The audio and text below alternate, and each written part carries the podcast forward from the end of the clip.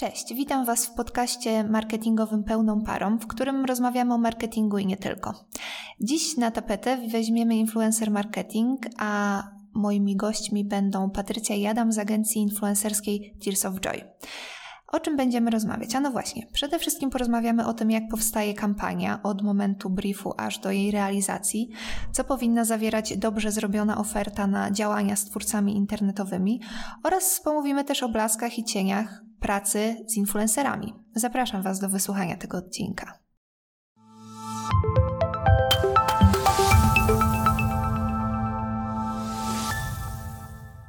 Dobra, czy to jest was, Wasz pierwszy kontakt z mikrofonem? Z mikrofonem może nie, ale w formie podcastu na pewno. Ja tak samo, miałem A. kontakt. Miałeś kontakt. Dosko- rozwiń tę myśl, rozwiń tę myśl. E, będąc w gimnazjum lub liceum nagrywałem piosenki. Rapowałeś? Tak. I jak, dlaczego porzuciłeś karierę rapera? No to było złe. Czyli w pewnym sensie nas, nas ocaliłeś od tego, że, że tak, tego nie tak. możemy nie, wysłuchać. Nie, jest wcale tak źle, Adam. No nie, nie było, było, było złe, no, ale fajnie, fajne, fajne doświadczenie, nauka montażu, dźwięku i tak dalej, myślę, że... Dobra, słuchajcie, będziemy rozmawiać o influencer marketingu, czyli o tym, w czym jesteście dobrzy. E, dobzi. Dobzi, bo pracujecie w agencji influencerskiej Tears of Joy i możecie powiedzieć na początku o swoich stanowiskach, które brzmią enigmatycznie i powiedzieć, co wy właściwie robicie. Pani, pa, panie przodem. Albo pani przodem. Dobrze, więc y, Patrycja Wachek. jestem, jestem z Pixami od roku. Um, no, moje stanowisko brzmi magicznie influencer, marketing specjalist. E, czyli jestem taką osobą, która godzi jakby potrzeby influencerów i potrzeby klienta. E, współpracuję na co dzień z influencerami, tworzę oferty, tworzę harmonogramy. Kontaktuję się z influencerami, influencerami prawie cały czas, y, przez maila, przez telefon, przez Instagramy, jesteśmy cały czas na łączach. E, po kampanii sporządzam raport podsumowujący, także o, to tak bardzo kompleksowo. szybko. Tak, kompleksowo i szybko rok, rok w 30 sekund. Słuchaj Paty, chciałabym Cię zapytać o to, że powiedziałeś, że godzisz influencer marketing, influencerów z klientem. Czy to jest do zrobienia w ogóle? Powiedz nam po prostu na przykładzie takiej kampanii, mm, że przychodzi klient, nie wiem, przychodzi do nas Allegro i oni chcą jakiejś kampanii. I co wtedy ty robisz? To powiem, odpowiadając na to Twoje pierwsze pytanie, czy godzisz jakby te dwie strony, no to tu muszę powiedzieć, że bez Adama jakby tego pogodzenia by nie było, bo Adam jest wyłącznie od kontaktu z klientem, e, a ja słucham tego, co mówi klient przez usta Adama i muszę to w sprawny sposób przekazać e, influencerom.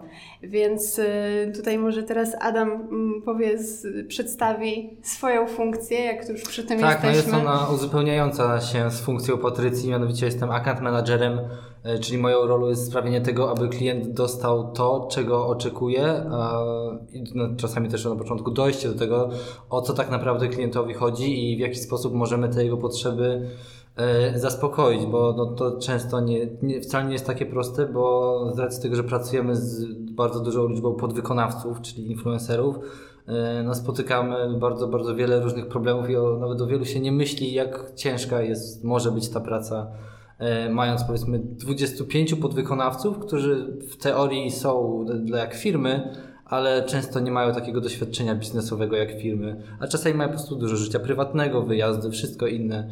E, co sprawia, że też poniekąd moja praca polega na rozwiązywaniu wielu problemów. Najcięższy problem Twój ostatni to jaki?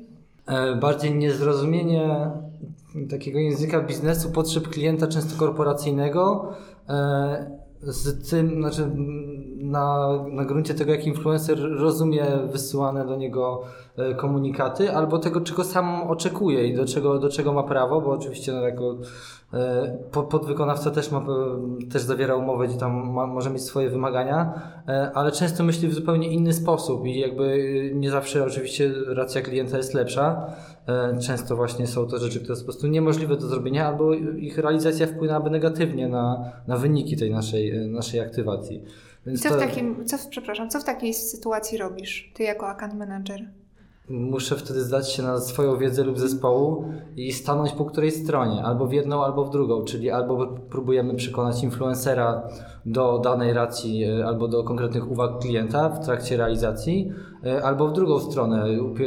Stoimy po stronie influencerów lub influencera, mówiąc, że e, to, jak jest to aktualnie rozwiązane, jest lepsze i nie wymaga to danej zmiany. Albo, że dane rozwiązanie powiedzmy będzie bardziej efektywne lub z jakiegoś powodu lepsze, naszym zdaniem. No też jest to naszą rolą, no bo jesteśmy agencją, która tych kampanii ma przeprowadzonych co najmniej kilkadziesiąt albo kilkaset, więc no to myślę, że coś, coś tam o tym wiemy, jak to należy zrobić, albo przynajmniej jak należy to zrobić, żeby to było zrobione. O, bo to też. Czyli uznajecie swoją proste. pracę za trudną? Z pewnością, bo ja zawsze mówię, że na koniec dnia to jest praca z człowiekiem. E, tak jak mówimy, po, po, po, jednej stronie jest właśnie klient, czyli tutaj ta strona Adama, a po mojej stronie jest na przykład w jednej kampanii 20-30 influencerów.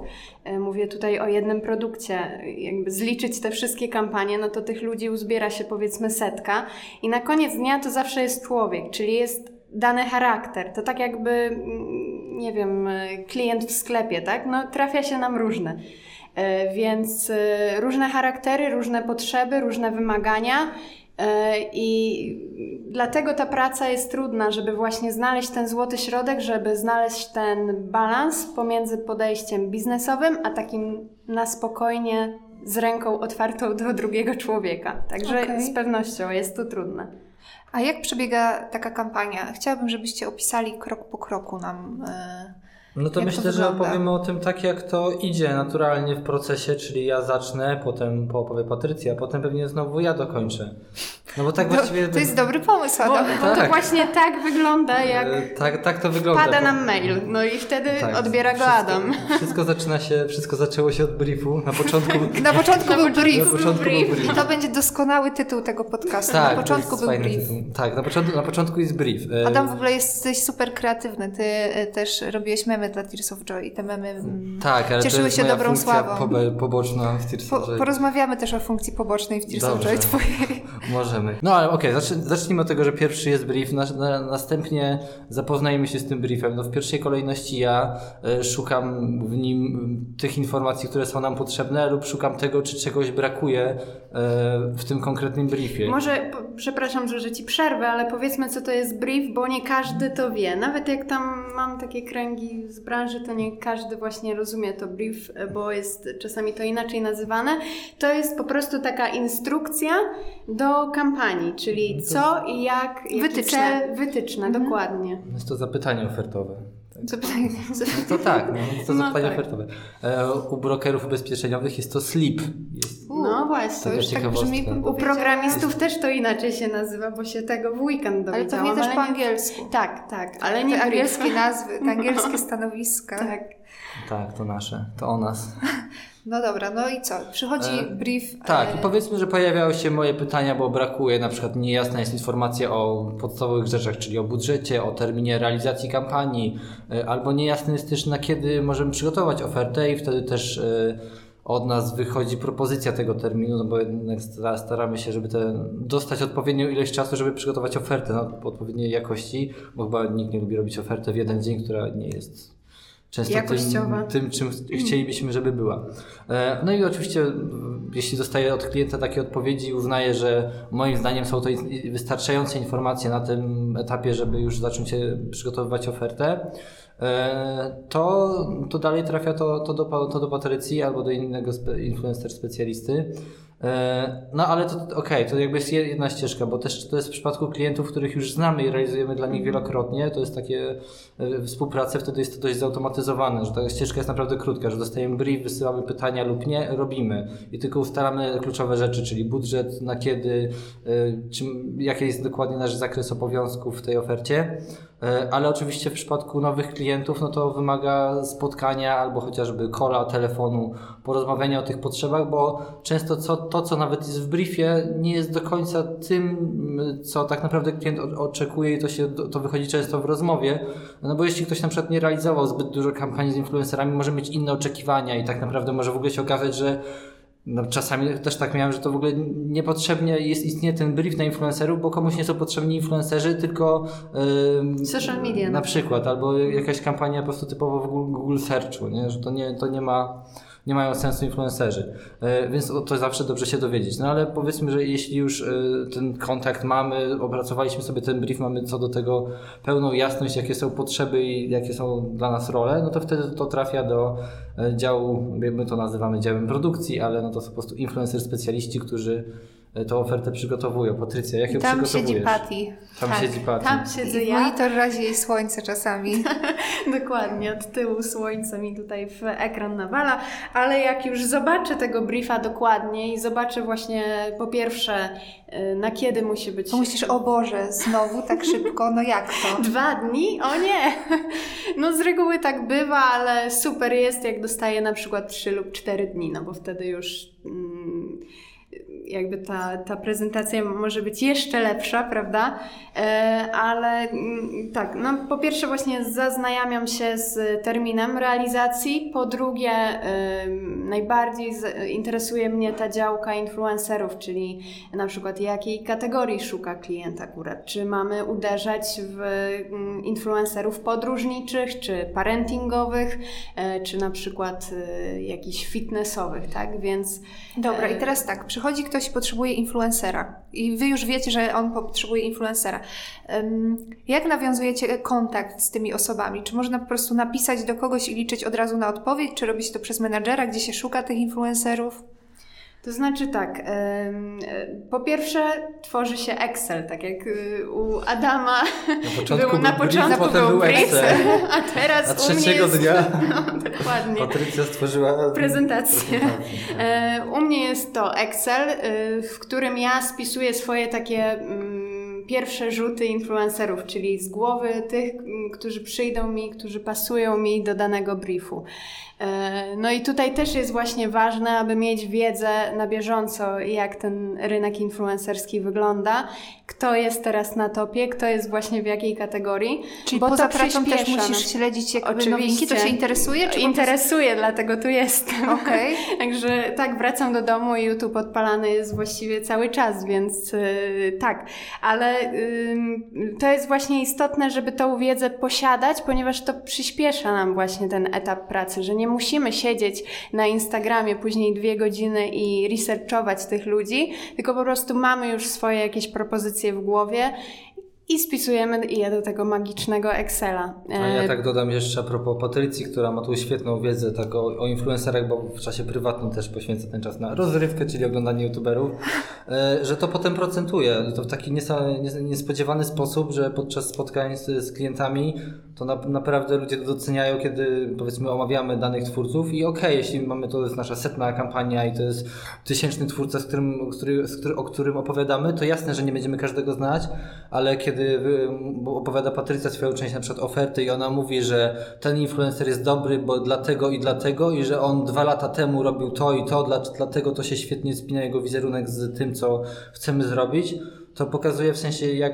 no oczywiście, że jak, jak, wiedza i to doświadczenie jest, jest wartością, no bo to też wiemy, znaczy, że znamy przeszłość, jakby wiemy, że ta propozycja nie jest przypadkowa na zasadzie on się wycenił, on ma fajne zasięgi, więc jego dajemy tak o po prostu, nie? Tylko to wynika z jakiegoś backgroundu, który wynika no, z wiedzy i doświadczenia Patrycji, no, po prostu z tego, że ogląda dużo YouTube'a. Jak zwał, tak, jak zwał, tak zwał, ale no jakby koniec końców, no to chyba o to chodzi, żeby wiedzieć, co się, co się sprzedaje i kogo. Tak, więc jak już właśnie stworzymy sobie czy jak ja stworzę właśnie tego Excela, to później weryfikuję twórców poprzez e, nasze własne narzędzia. E, monitorujące e, profile twórców. Sprawdzamy ich realne zasięgi, wyświetlenia, patrzymy ile influencer kupił fejków. Oczywiście możemy nawet sprawdzić skąd, także takie dane mamy i monitorujemy to na bieżąco, prześwietlamy wszystkie konta. Wyjaśniając wątpliwości, tacy nie trafiają do naszych Tak, absolutnie. Mamy tam ustalony mm, procent zaufania danego konta i, i dopiero jakościowi twórcy, czyli tacy powyżej 80% e, naszego zaufania trafiają do oferty. Także nasze oferty to nie jest e, też zwykły Excel z, właśnie z linkami do profili niesprawdzonych, ale faktycznie jest to wszystko weryfikowane okay. od zaplecza. Jak, jak, jak robisz research i zaglądasz do tego narzędzia i tam jest lista influencerów, to to są ludzie chętni do współpracy? To jest jedno Nie, z naszych... Absolutnie. Okay. To, to, to jest narzędzie, które pokazuje wszystkie konta, które mają powyżej mhm. tysiąca followersów. E, więc możemy sprawdzać dowolną osobę. No i gdy, gdy zrobię już taką listę, gdy sprawdzę sobie te profile i powiedzmy dobiorę 10 influencerów, ponieważ oni zmieszczą mi się w podanym budżecie, który był w briefie, wówczas piszę do tych twórców E, z propozycją właśnie współpracy, z pytaniem o wycenę własną. Przedstawiam pokrótce pomysły na świadczenia. Pomysły na świadczenia też są jakby wymyślane przez nas i tutaj mówię w liczbie mnogiej, no bo tutaj mamy też od tego zespół. Bardzo często Adam właśnie jest tą głową kreatywną, która te mm, pomysły nam tutaj narzuca odnośnie świadczeń. A ja bym w ogóle tak powiedział, podsumował to, co, to, co mówimy, tak, żeby to dało jakąś wartość dla kogoś, kogo, dla kogoś, kto to słucha, ale taką sensowną, o tym, jak e, finalnie powinna wyglądać oferta, która, która wychodzi od agencji, bo wydaje mi się, że to są takie, jest kilka elementów, które powinno być w każdej ofercie, a wiem, że są ciągle podmioty, które te oferty przygotowywują w inny sposób, okej, okay, no czasami taki jest wymagany, ale mm. przechodząc do konkretów, naszym zdaniem, albo moim zdaniem, ta oferta powinna się zaczynać oczywiście od y, analizy, y, researchu, to im więcej czasu na to jest, tym oczywiście lepiej. Potem powinno to przejść w pewne założenia, które sobie wypisujemy też, no zazwyczaj one pochodzą z briefu, ale też są często interpretacją tego, jak my rozumiemy ten brief. E, następnie są to idee, następnie są to już e, konkretny opis aktywacji, co my chcemy zrobić, dlaczego chcemy tak zrobić e, i co nam to da, na co się to przełoży. Potem jest też przedstawienie tych postaci, naszych influencerów. I to nie tylko na zasadzie, że mhm. pokazania screena z narzędzia, którym udowodniamy, że on ma fajną demografię, że on trafia tam do naszej target grupy, że on jest nie ma fejkowych followersów, albo że wszystko z nim ok. No właśnie wolimy też tutaj dodać trochę od siebie coś o nim, dlaczego on naszym zdaniem tutaj pasuje, e, no bo to jednak to są, to, to są ludzie, to są firmy, no więc trzeba ich przed, przed, przedstawić tak, no po prostu po ludzku, po co on tu ma być. My to nazywamy, my to nazywamy wizytówkami. wizytówkami tak. tak. To wizytówki w PowerPoincie. No, e, no i na, to, co na końcu, to chyba mnie najbardziej zawsze interesuje, e, czyli wszystkie estymacje mhm. i kwestie związane z liczbami. Czyli Excel. Czyli, czyli dużo Excela, dużo, dużo cyferek. Liczenia. E, tak, bo oczywiście liczba followersów na Instagramie to nie jest czyjś zasięg, e, tak samo to nie, jest, e, nie są czyjeś wyświetlenia, ani liczba subskrypcji na YouTubie, ale to już chyba wszyscy Co jest wiedzą. najważniejsze? Zasięg jest najważniejszy, tak? Różnie. My kierujemy się głównie wyświetleniami, bo zasięg nie zawsze mm, Da się sprawdzić. A czym jest zasięg właściwie? No zasięg jest to liczba unikalnych odbiorców, do których Faktycznie dociera do... materiał tak. lub docierają materiały. Ale właśnie dlatego o tym mówimy o tym zasięgu w ten sposób, że raczej nie jest dla nas najważniejszy, jest, ale po prostu niemożliwym jest do sprawdzenie jaki mamy zasięg w przypadku wielu publikacji na danej platformie, ponieważ nie istnieje narzędzie, które odpowiednio dobrze to robi. E, takie, które szacuje, szacuje, oszacuje albo powie, jaki mieliśmy zasięg na wszystkich publikacjach, powiedzmy na Instagramie czy na YouTubie. Możemy sprawdzić każdą z osobna i to robimy, że pokażemy, jaki był zasięg tego posta, ale kłamstwem byłoby zsumowanie tego zasięgu dla 10 postów i powiedzenie, że taki był zasięg, ponieważ tak, nie wiem, stawiam, że on o 10% czy o 8% czy o 7% jest mniejszy niż ta nasza suma, no bo część ludzi obejrzy post u jednego influencera i o drugiego. E, to, co za to jesteśmy w stanie sprawdzić, to to wyświetlenie. Po pierwsze wyświetlenie, mm. je można łatwością sumować e, na danym medium to jeden do jednego, no w sensie po, po prostu sumować.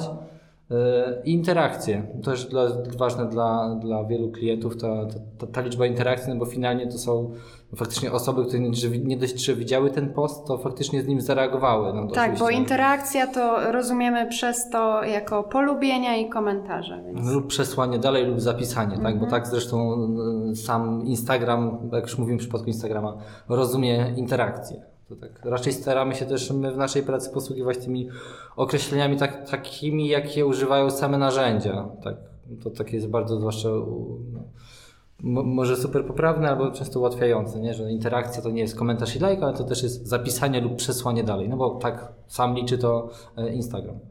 E, tak, no więc na końcu są te liczby, estymacje i Na początku był brief, a na końcu są, na końcu na końcu, są na końcu, no, no, na końcu już są twarde dane, gdzie w tym momencie jakby no, jeśli... Czyli deklarujemy swoje KPI po prostu. Tak, no te esty, estymacje są po prostu KPI-ami, jakie, jakie zakładamy.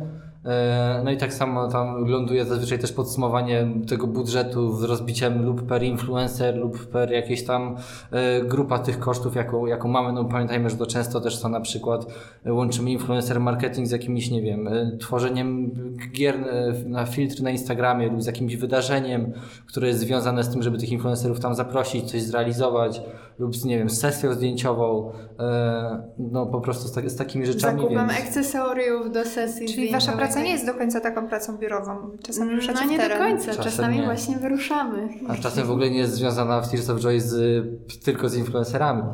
Czasami też robimy, nie wiem, sesje zdjęciowe, filmy, mhm. chatboty. Chatboty? Robicie chatboty? No, mamy małe doświadczenie z tym, ale robimy. Ale nie chcecie o tym rozmawiać? Nie, chyba nie możemy, bo jesteśmy nie w trakcie. Nie, nie okay, ale, ale ten. Ale to fajna zabawa. Okej, okay. a co najbardziej lubicie w swojej pracy? To znaczy, że mam na myśli tutaj takie coś, że na przykład... Łukasza. Łuka... Okej, okay, pozdrawiamy Łukasza. Kępińskiego, tak. Okej, okay, ale słuchajcie, tak bardziej mi chodzi o takie... Taką... Tak, Taki to sprawia, że idziemy do tej pracy i tam tak. nie płaczemy codziennie, tylko że jest tam... Że co dwa dni płaczecie. Co dwa dni, no. no. U mnie jest to właśnie... Ja. Z, no, no oprócz Adam Łukasza i Adama, tak, tak. To, to, to drugie miejsce ma ten finalny punkt kulminacyjny, kiedy skończy się kampania i to nie przelew ze względu... I to nie ze względu na, na to, że właśnie albo jest przelew, albo że ja już ucinam kontakt z influencerami. Absolutnie no to nie. To cię cieszy, jak ucinasz kontakt z influencerami, masz takie... Nie, nie, no ale czy zależy? No jak zależy. to z ludźmi, nie? No, to się no tak, no, no tak, ale y, mam już swoje grono takich... Masz ulubionych influ? tak, oczywiście, że mam. E, ale właśnie dla mnie tą radością jest, kiedy właśnie o, KPI -e są niższe niż osiągnięte wyniki na przykład, albo kiedy już sporządzę ten raport końcowy i, i widzę te wszystkie posty, wszystkie Instastories tak, zbite w jedno. Że to tak, się wszystko to jest wydarzyło, taki sukces. zostało zrealizowane, no i po prostu się wykonało dobrą robotę. Ale patrzycie później w mediach społecznościowych, jak na przykład jest jakieś zdjęcie z produktem i wiecie, że to jest wasza kampania i czujecie, że zrobiliście zajebistą robotę? Oczywiście, że tak, chociaż różnie to bywa. Jak... Ja mam raczej tak rzadko, bo to w ogóle to też rzadko kiedy jesteśmy my sami w targecie, przynajmniej ja rzadko kiedy jestem, ale zdarzyło mi się widzieć coś i naprawdę mi się ale to Ale nie klikasz sam z ciekawości, że wiesz, że na przykład Nie no, klikać teraz, to klikam, ale no bo ja to wiem, że my to robiliśmy, jeśli to o tym wiem że my to robiliśmy. No to w sensie to, to nie już nie, nie muszę zaklikać, bo już to zazwyczaj widziałem ten materiał wcześniej, zanim on Niby został. tak, ale wiesz coś innego, jak to jest opublikowane, coś innego. Ale lubię czasem ja ci... komentarze czytać. A to okay. komentarze to jest jedno, ale ja ci powiem Julia, że ja uwielbiam jak wchodzę do sklepu albo do Rossmana i widzę produkty, które właśnie, których ofertę wygrałam i których właśnie realizowaliśmy wspólnie kampanię. No i to jest właśnie ten moment dumy i mogę się pochwalić, zobaczcie, ta półka należy do mnie w pewnym sensie sensie. Także tutaj jest taka duma, jak najbardziej. Jaka półka należy do Ciebie, Adam?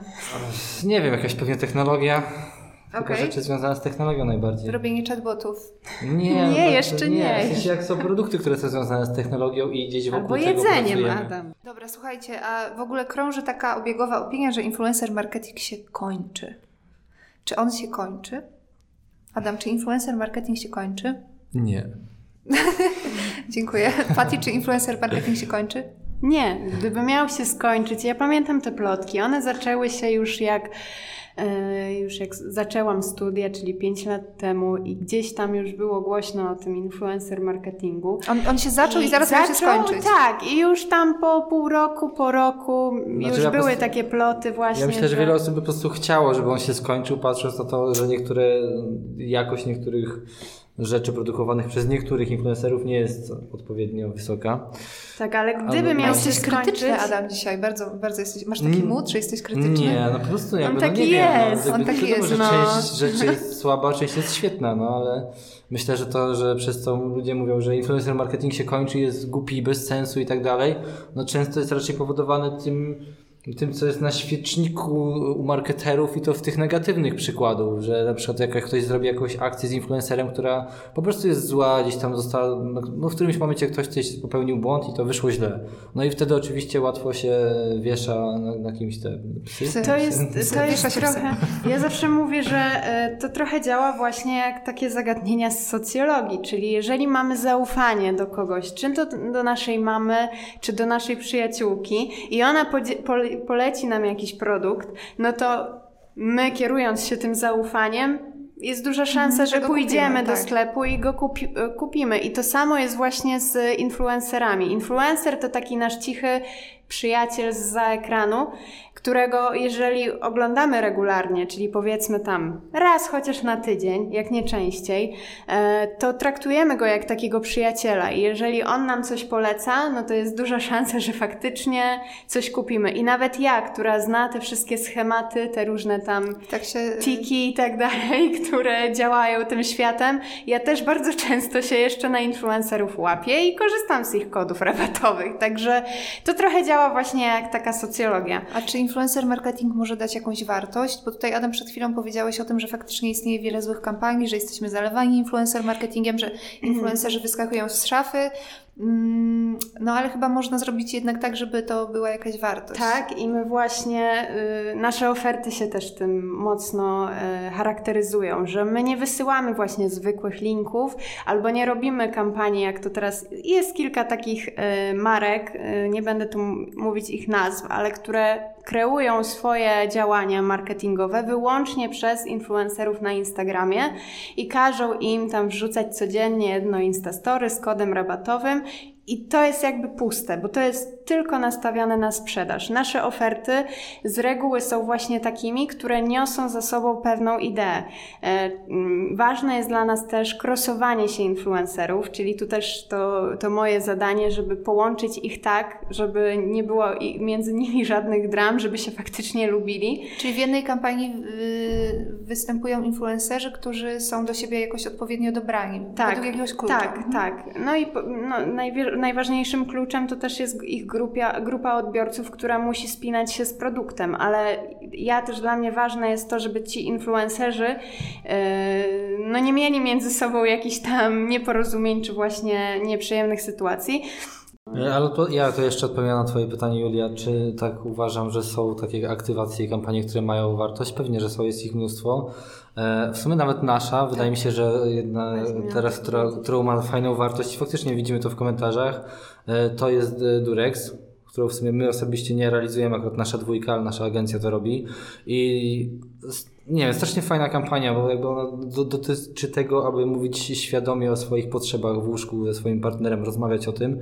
Więc jest to rzecz bardzo dobra, no ma to jakiś fajny przekaz, to jest ogrywane przez z naprawdę dobrymi, jakościowymi twórcami o wysokich zasięgach.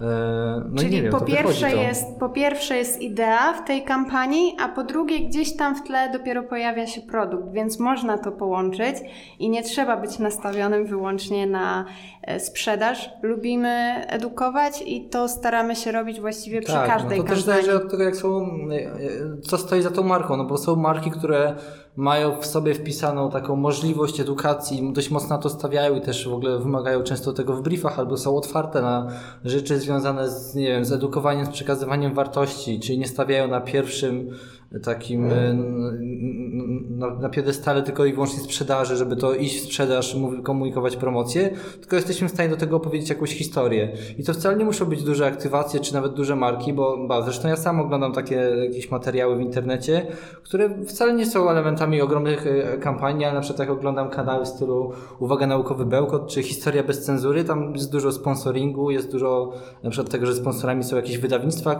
i materiały dotyczą jakiejś książki. Nie wiem, wiem, z jakiegoś zakresu historii lub nauki. I w sensie jak dla mnie super, no w sensie z chęcią pewnie się skusił na taką, na taką książkę. Eee, I nie wiem, no jest, to, jest to ciekawe, twórca na tym zarabia, bo ma od tego kasę, ja się dowiaduję o jakimś produkcie, wszyscy korzystają, więc chyba takie współprace są super.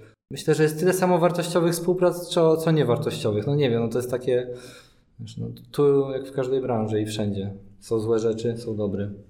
Tylko wiadomo, łatwiej mówić pewnie o złych, bo są bardziej szerowalne. Mhm. No, łatwo się krytykuje, nie? Łatwo się mówi, że ten influencerka zrobiła sobie zdjęcie, w, nie wiem, obok na kotów z płynem do naczyń, że to nie ma sensu. No spoko, no każdy widzi, że to nie ma sensu, no i jakby łatwo to szerować dalej.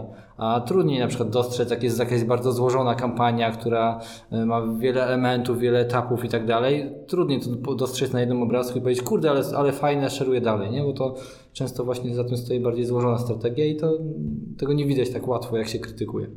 No faktycznie łatwo jest sobie krytykować, puścić coś w obieg, a zazwyczaj taka rzecz istnieje w internecie. No to też jest takie ludzkie, nie? że jak, zobacz, jak jest pudelek, który opiera się na, na jakimś tam hejcie, trochę BC, trochę hejcie, ale nie ma żadnych portali, które opierają się analogicznie na, na, na chwaleniu, chwaleniu ludzi albo chwaleniu mhm. zjawisk, nie? w sensie, że jakby, nie wiem, no wszyscy budujemy, znaczy wszyscy. Kryzysy social media wybuchają w weekendy, to samo. No, tylko... Tak, no, lubi się budować wartość no. przez swoją albo, nie wiem, swoich poglądów przez negowanie innych poglądów, nie? No jakby to łatwiej jest komuś powiedzieć, że twój pogląd jest głupi niż mój jest dobry. Nie? Tak trochę, trochę jak z tym, tak, tak, tak samo myślę, że jest z tymi materiałami influencerów, nie? Że łatwo zarzucić coś. Okej, okay, rozumiem. A łatwiej jest pracować z menadżerem influencera czy z influencerem? I od czego to zależy? Kiedy jest hmm, współpraca hmm, tak taka, powiem, kiedy jak taka? prawnik mówi, to zależy. Um, I sowcy bo... też tak mówią. Prawnicy i sowcy. Ja myślę, że wiele branż tak zależy. um, Tak, bardzo często menadżer jest potrzebny, jeżeli mamy do czynienia z influencerem, który nie ma podejścia biznesowego, czyli jest takim trochę roztrzepanym, e, roztrzepaną osobą, której zadaniem jest albo tylko... artystą. Albo artystą, właśnie. O, o, to ładniej to opisaliście. Mm, tak, e, że jego zadaniem jest tylko wrzucić zdjęcie i wrzucić zdjęcie i tyle. E, I wtedy faktycznie menadżer jest taką osobą spinającą do tego kontaktu, która zajmie się też tą umową, która zajmie się późniejszą fakturą lub rozliczeniem w innej formie. Ale bywa też tak, że menadżerowie są na przykład pokłóceni w danym terminie z influencerem. I tak się dzieje? Zdarza oczywiście. Się tak. To jest nawet, hit, to jest hit, ale Oczywiście, się, tak. tak. Opowiedzcie o tym. E, no nawet teraz mamy taką sytuację, gdzie, gdzie jakieś tam, no nie wiemy jakby co się dzieje no, w środku. Są w trakcie tak? rozejścia ale, się tak. ze, tak, ze swoich dróg życiowych i biznesowych, więc to utrudnia nam pracę. Tak, bo wszystkie tak. terminy się przedłużają, informacje, które na przykład przykład wysyłam do menadżera, nie są przekazywane. Bo on jest obrażony. O, jest obrażony, albo po prostu nie może się złapać, tak? Jakoś nie może się spotkać z influencerem. Także no tutaj są plusy i minusy. Tego... Plus ujemny i plus dodatnie. Mhm, tak. No. To chyba chodzi o to, żeby ktoś po prostu po drugiej stronie był kumaty, chętny, dobry w tym, co robi. No, ja znam dużo świetnych influencerów, którzy sami sobie ogarniają tę współpracę i po prostu bardzo dobrze zarządzają mm. własną czasem i pracą. E, a są tacy, którzy mają menadżerów i, i, ci, i jeszcze znam takich, którzy mają menadżerów, a ci menadżerowie też są jeszcze słabi po prostu. I w sensie to jest takie rzadkie przypadki, bo jednak to są osoby, które mają się tym zajmować zawodowo, no ale ten. A słuchajcie, co się dzieje w przypadku pożarów? Czyli załóżmy, że menadżer jest pokłócony z influencerem, a trzeba puścić kampanię no to uderzamy różnymi drogami. Super, jeżeli mamy telefon bezpośredni do influencera, ale tak nie zawsze się dzieje, bo menadżer, jeżeli Czasami chroni prywatność tego tak. influencera, żebyśmy tam, my tam się nie dobijali, bo od tego jest on. No i jasne. Tak. No jeżeli Gorzej, mamy, go nie ma. No wtedy. właśnie, jeżeli mamy ten numer telefonu, no to uderzamy bezp bezpośrednio i też taką drugą drogą jest po prostu napisanie z konta prywatnego na, yy, na Instagram. I no. oni odpisują influencerzy? Tak, tak. Wysokozasięgowi? Też, tak, też. O, o dziwo naprawdę tak. ci ludzie czytają wiadomości. W sensie to się może tak wydawać, że oni nie odpisują i olewają, albo ten, ale w sensie na przykład jak są skrzynki odbiorcze, bo e, okej, okay, jak na Instagramie to oni nie widzą tych wiadomości, bo tego to jest w folderze innej, tego jest 6000 E, ale jeśli chodzi o skrzynkę mailową influencerów, twórców, kogokolwiek z internetu, e, ci ludzie używają tych skrzynek, bo tam dostają zapytania od agencji, na które na przykład nam odpowiadają lub innym e, agencjom, więc faktycznie widzą te maile. Mimo, że faktycznie na 99,9% z nich nie odpisują, bo to są często spamy, jakieś maile od fanów albo różne rzeczy, ale widzą je, to taka ciekawostka. Ale powiem Ci tak, że ja na przykład mam na profilu napisane u siebie w, w biografię tam, że pracuję właśnie influencer, moje stanowisko i właśnie oznaczenie Ale potrafisz powiedzieć? Czy woli się tak... Patrz, już nie może po prostu. Wypipkać się wolisz. tak, można je wypipkać.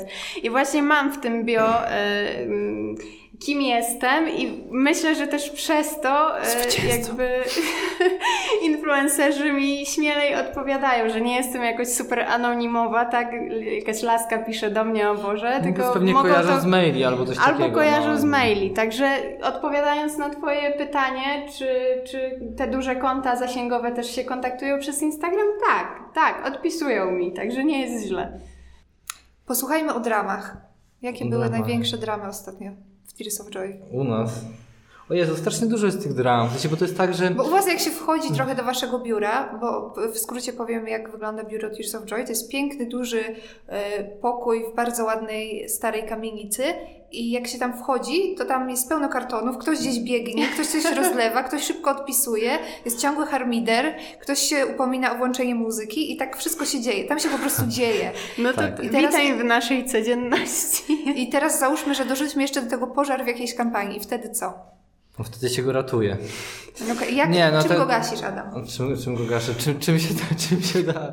Tak na poważnie to jest, to jest bardzo dużo różnych tych mm, przypadków i tak naprawdę, no nie wiem, może pracuję już tutaj już od początku właściwie w Tears of Joy, to za każdym razem coś innego się wywala i czasami już mamy już tak, nie jesteś że... w stanie tego przewidzieć. Jasne, ja jestem w stanie gdzieś to sklasyfikować na przykład tak, że e, wywala się coś ze względu na terminy, bo ktoś nie dotrzymał terminu, influencer, nie wiem, z jakiegoś powodu. To jest jakiś tam jeden punkt zapalny.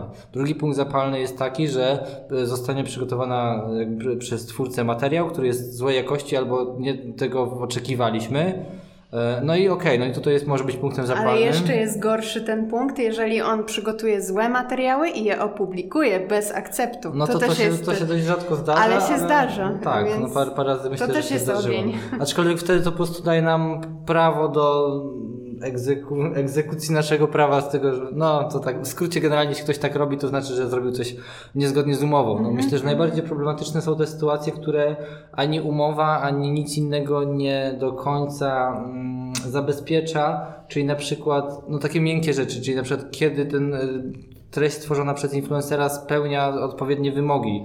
Jasne, no jakby do pewnego stopnia jesteśmy w stanie to sobie obwarować w briefie, w instrukcji zaakceptowanej przez klienta i tak dalej, ale niektórych rzeczy nie jesteśmy w stanie przewidzieć, co ten twórca tam powie, bo padnie jedno słowo, bo nagle się pojawi jakiś kontekst inny, który wyszedł na żywo temu twórcy, bo nie wiem, nagrywał materiał w studiu i po prostu mówił, potem nie ma możliwości edycji, bo on zmienił kolor włosów potem i już teraz nie może edytować tego filmu. No i takie sytuacje po prostu są jednym wielkim impasem, bo nie wiadomo co zrobić, bo powiedzmy, że klient też nie chce, yy, powiedzmy, przepuścić taką wersję materiału, a z drugiej strony na przykład taki twórca nie jest w stanie go poprawić, no bo zmienił na przykład kolor włosów. No i w takim wypadku musi na przykład okazuje Nagrywać się, że... na wszystko od nowa. Nagrywać od początku. I z drugiej strony pytanie, czy to też jest fair wobec tego twórcy, że jedno słowo, które on powiedział sprawia, że on teraz ma od nowa pracować, nie wiem, no trzy godziny nad tym filmem, czy cztery. No to już to takie kwestie trudne, Czyli są też sporne. pytania bez odpowiedzi. Myślę, że tak, no w sensie, no to zależy od, od strony i kto, od tego, kto jak kto jak na to spojrzy. Z punktu widzenia klienta, on powie, że no, on płaci, no, oczekuje e, materiału, który będzie spełniał, spełniał tą jakość, więc no trochę tak jak my, e, jeśli tak, tak jak patrzy na agencję, tak patrzy na influencerów. My też często, jeśli na przykład coś zrobimy z jakiegoś powodu źle, musimy to naprawić i to jakby nie, nie, nie żądamy za, za, za, dodatkowych pieniędzy za naprawienie czegoś, tylko naprawiamy. No nie wiem, na przykład może to się rzutować na to, że musimy zostać godzinę dłużej w pracy. No no, jakaś tam realna sytuacja. E, no i jakby czasami no to tak, takie samo podejście klient ma i często też my do, do influencerów. A czasami odwrotnie. No, z drugiej strony też przykład rozumiemy influencerów i nie zgadzamy się z jakąś uwagą klienta. No i na przykład wtedy bronimy y, influencera. Bronimy influencera i na przykład zamiast y, no, walczyć nad tym materiałem i poprawkami do tego materiału, albo na przykład szóstą turą poprawek, bo tak też się zdarza i to każdy w pewnym momencie ma tego dosyć.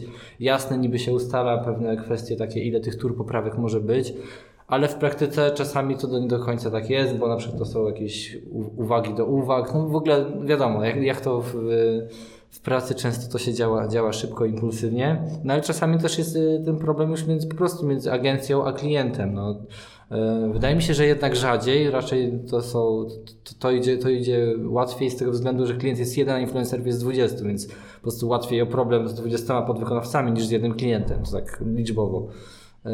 ale no też są, no i to też nie są, to już są takie rzeczy, no tam już trzeba twardziej, bardziej biznesowo i takie są no, w jakichś konkretnych, bardzo długich mailach rozpisywanie i tłumaczenie się z różnych zdarzeń. No, teraz akurat nic mi konkretnego do głowy nie przychodzi, no bo ten, ale wiem, że no, takie rzeczy są, no, ale chyba najczęściej to problemy to są na linii, no, nie wiem, influencer, klient z nami pomiędzy. Tak? Wracamy, słuchajcie, taką klamrą, bo na początku Patrycja powiedziała. Na początku był brief. Na początku był brief. A na końcu jest raport. Influencer, klient, tak, a na końcu jest raport. I właśnie nie, zmierzamy faktura, do faktura, końca. Faktura jest na końcu. Faktura jest na końcu, tak, i premia.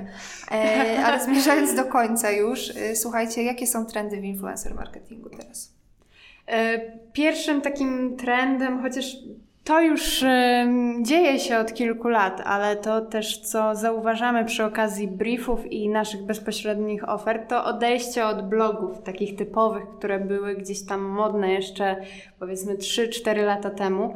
Teraz blogi są, ale są bardziej traktowane powiedzmy w, cel, w celach SEO, czyli na przykład jeżeli mamy jakiś produkt kulinarny, to żeby wrzucić tam przepis i po prostu żeby podbić widoczność klienta poprzez blog jeszcze ok.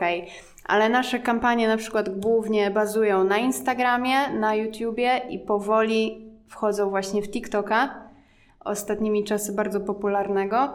E, więc no, takim pierwszym trendem, o którym bym właśnie, co, co mi przyszło na myśl, to właśnie to. Czyli zmierzamy do mediów bardzo wizualnych wizualnych i szybkich i uzależniających, można powiedzieć, ale jest jeszcze taki trend związany z Instagramem. Ostatnie badania nawet pokazują, że to, co było kiedyś na blogach, czyli te długie wpisy, powoli wchodzą właśnie na Instagram, bo kiedyś Instagram to było tylko zdjęcie, trzy hasztagi, i jakby ok, wpis zrobiony. Teraz już e, są zauważalne trendy, które pokazują, że na przykład ilość znaków we wpisach instagramowych z miesiąca na miesiąc rośnie. Te wpisy są coraz dłuższe. Więc można powiedzieć, że te blogi przeniosły nam się na Instagram. Mhm. Ale czy to jest też merytoryczne, czy takie raczej Różne.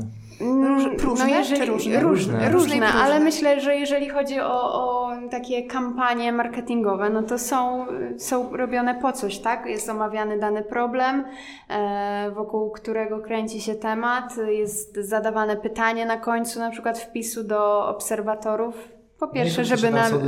No. Tak, i po pierwsze, żeby nabić zasięg, no nie ma co tu ukrywać, a po drugie, właśnie, żeby jeszcze ten problem rozwinąć głębiej, więc to się tyczy trochę tych idei kampanii, o których rozmawialiśmy wcześniej. Ja bym powiedział jeszcze, że takim trendem myślę jest to, że y, twórcy już, twórcy, tylko nie, nie w znaczeniu nawet internetowi twórcy, bardzo mocno korzystają z wieloplatformowości, tego, że jak wiele mamy social mediów, co jakby jest dość popularne, oczywiście Andrzej Duda na TikToku i tak dalej, ale w sensie to jest jakiś przykład wybiorczy, wybiórczy, ale no bardzo wielu twórców posiada bardzo wiele mediów, jakby zaczyna być aktywnych w tych mediach innych, w których na początku w ogóle aktywny nie był, youtuberzy zakładają TikToki, aktorzy zakładają no Instagramy, to mieli od, od dawna, ale powiedzmy zakładają jakieś inne, na przykład o YouTube, no zresztą przykład Czarka Pazury, który w ogóle zrobił super kanał i się w tym świetnie odnajduje. Nie, jakby koleś był aktorem, jest aktorem, a jest teraz już też influencerem. Albo, albo zawsze był, bo zawsze miał wpływ, bo był aktorem, tylko nie miał mediów, teraz ma medium.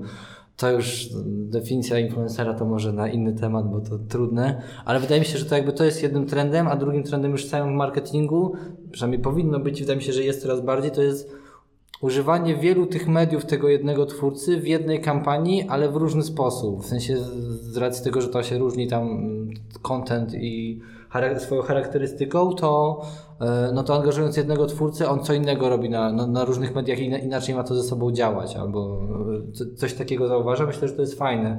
Na robienie trochę bardziej skomplikowanych kampanii, bo faktycznie łatwo dostać za taką e, aktywację, która, która po prostu polega na pokazaniu produktu i tyle. I w sensie, zresztą sami influencerzy tego coraz mniej chcą brać w czymś takim udział.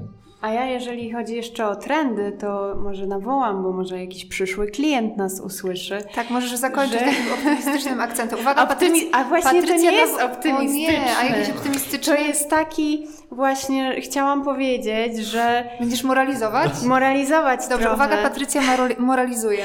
Że chciałam powiedzieć, że bartery odchodzą w niepamięć, bo wiele też klientów myśli, że cały czas era barterowych influencerów czym są jest bartery? Bartery, czyli um, sytuacja, gdzie influencer dostaje zamiast wynagrodzenia jakiś produkt. Znaczy dostaje wynagrodzenie, ale nie w formie pieniężnej. No tak, tylko po prostu jako no, produkt. Coś. Po prostu. Na przykład coś. 16 zgrzewek wody. Na przykład. Albo i musiałabym kosmetyczka z, z jakimiś kosmetykami. Dobra, bardzo fajnie mi się z Wami rozmawiało. E, Mam nadzieję, że, że nasz podcast pójdzie i odbije się szerokim echem. E, I jego mottem będzie od briefu do. I tutaj musimy ustalić, czy do, e, czy do Excela, czy do premii. A ja bym jeszcze powiedziała do tej dumy końcowej O jednak. Boże, Patty. Do dumy końcowej. Jak już jednak się zakończy i jak wszystko będzie okej. Tak patetycznie to zabrzmiało. Adam, a Ty? Ja powiem tylko tak, w następnym odcinku będziemy śpiewać. No i tym optymistycznym akcentem, prawda? Żegnamy się. Elo! Do usłyszenia. Eluwina. Eluwina, pa! Pa! Do widzenia.